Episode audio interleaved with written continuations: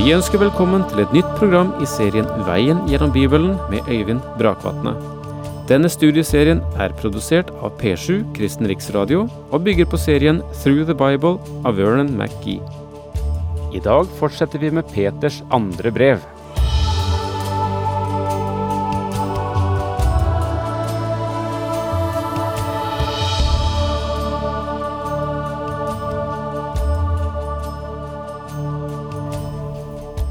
Peter skriver sitt siste brev, og han vet at det er det siste. Det er hans avskjedshilsen.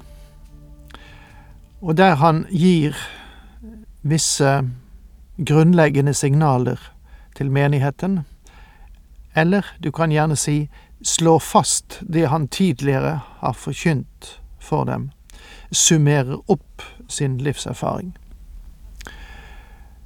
Og han forteller i sitt andre brev hva menigheten kan bygge på, hva som kan danne et trygt fundament for menigheten fremover.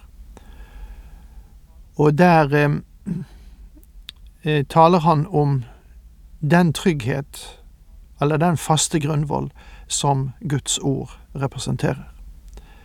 Dette er et ord som står fast. Når han har fortalt om det som er trygt, og det som er grunnvoll for menigheten, så gir han signaler om hva som kan true menigheten. Altså menighetens trygghet og menighetens trussel. Og det som kan true den, det er det som kommer innenfra menigheten. Ikke utenfor, ikke samfunnet rundt, men i menigheten og der han taler om falske lærere. De skal lure inn, sier han, vranglære. Og det var dette vi stoppet opp for eh, sist, eh, nemlig det første verset i kapittel to, altså 2. Peter 2, vers 1. Men det fantes også falske profeter i folket, og nå taler hun der om fortiden, ikke sant, om Det gamle testamentet. Og på samme måte skal det opptre vranglærere blant dere. Altså, historien gjentar seg her. De skal lure inn vranglære som fører til undergang, og til og med fornekte den Herre som har løskjøpt dem. Dermed fører de seg selv snart i fortapelse. En del av dette verset hadde vi gått igjennom uh, forrige gang, og eh, nå er vi klar til å gå videre. Jeg tror at vi i det første verset har en god definisjon av falske lærere. De skal lure inn vranglære som fører til undergang, og til og med fornekte den Herre som har løskjøpt dem. Dermed fører de seg selv snart i fortapelse. Vranglære betyr faktisk destruktive kjetterier. Det som avslører disse falske lærerne, er at de fornekter Kristi forsonergjerning for dem. De vil opptre i menigheten som medlemmer i kirken, de krever å bli tatt som kristne, og de arbeider delvis skjult. La meg få understreke at falske lærere har noe rett i sin lære. Der finnes ikke den kult jeg kjenner til som ikke har noe sannhet i seg. Og det er det som gjør dem farlige ti tusen ganger farligere enn om de hadde vært 100% på villspor. Disse lærerne tror vanligvis noe som er sant. Jesus sa, vokt dere for de falske profeter. De kommer til dere i saueham, men innvendig er de glupske ulver, som man ser i Matteus 7, vers 15. Paulus advarte menigheten i Efesos når han skrev i apostelgjerningene 20, vers 29, for jeg vet at når jeg har dratt bort, vil glupske ulver trenge inn hos dere, og de skåner ikke hjorten.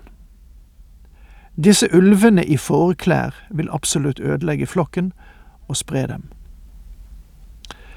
Herren gjorde dette helt klart da han gav oss et bilde av sitt rike etter at han var blitt fornektet, korsfestet og var oppstanden.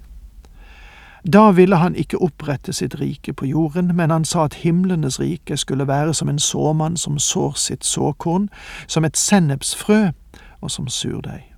Surdeigen er kommet inn i brødet også i dag. Brødet er Guds ord, Og det finnes også falsk lære som går under dekke av å være Guds ord. Mange kommer til å følge dem i deres utskeielser, og sannhetens vei vil bli spottet på grunn av dem. Mange kommer til å følge dem i deres utskeielser. Falske etterfølgere vil følge falske lærere. Jeg tror ikke at den som lever nær Gud, i lengden kan bli ført vill.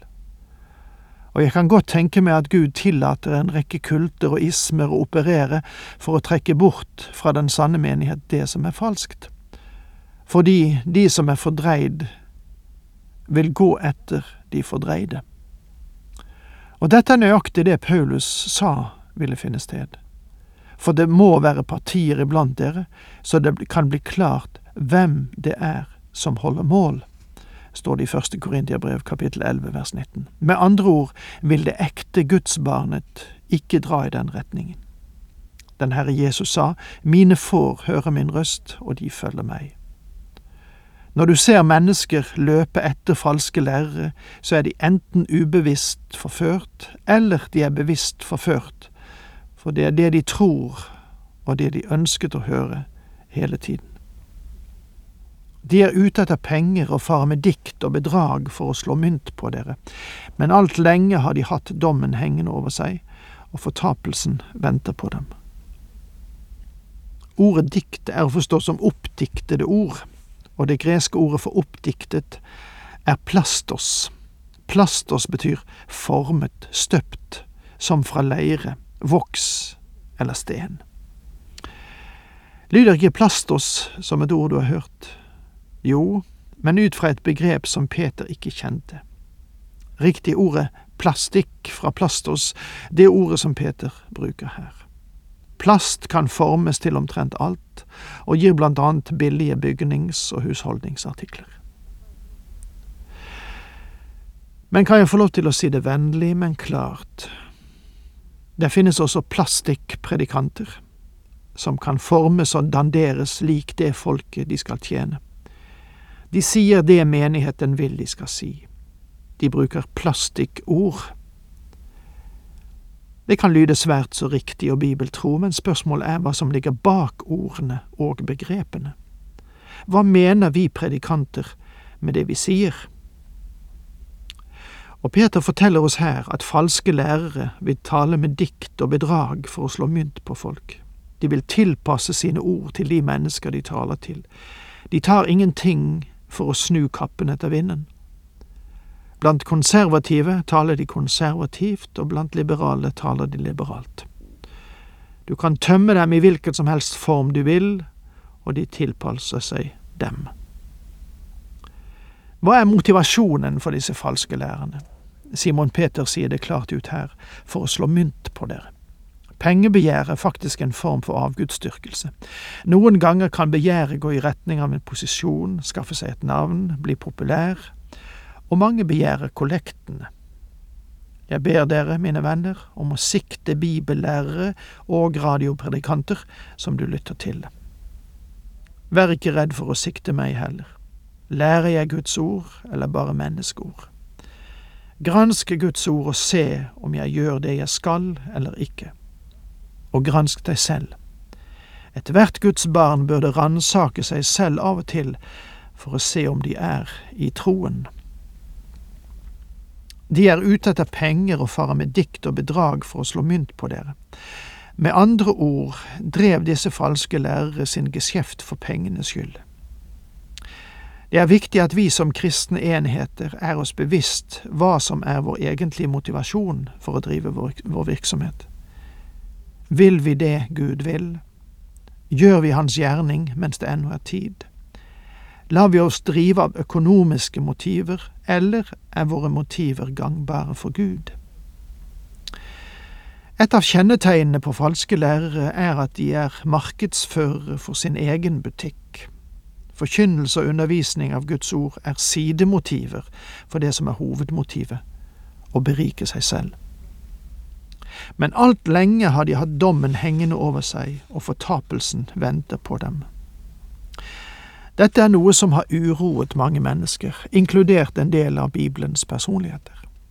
For eksempel var salmisten bekymret for at det gikk godt med de som gjorde ondt, og at de kom unna dommen, eller iallfall trodde han det. Men så sa han, jeg gikk inn i Guds helligdom.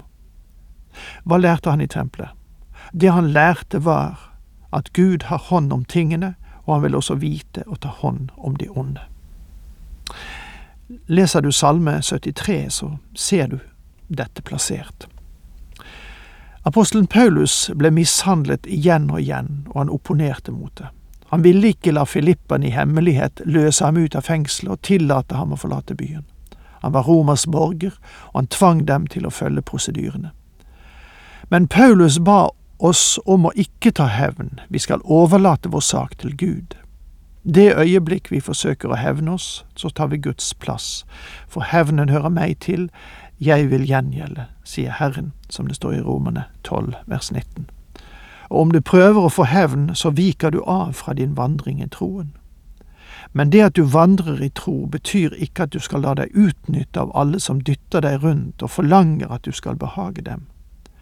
Det betyr heller at du kan si, ålreit, broder, du har behandlet meg feil, du har gjort dette mot meg, men jeg vil overlate min sak i Herrens hender. Paulus skrev, Kobbersmeden Alexander har gjort meg mye vondt, Herren skal gjengjelde ham etter hans gjerninger, som han skriver i Antimotius 4, vers 14. Herren vil ta hånd om ham. Jeg har overlatt ham i Herrens hender, sa Paulus angående en annen bror som, hadde behandlet, som hadde behandlet ham urettmessig. Det kan virke som om Gud sover, at han tar seg en lur. Det virker ikke som han griper særlig mye inn overfor disse falske lærere. Men det gjør han, mine venner. Habakuk, profeten, undret seg på om Gud ville gjøre noe med Israels fiender eller ikke. Men han fant snart ut at i virkeligheten beveget Gud seg raskere enn han hadde tenkt. Han slumret ikke i hele tatt. Og det samme gjelder nok Gud også i dag. Og dermed takk for nå, Herren med deg.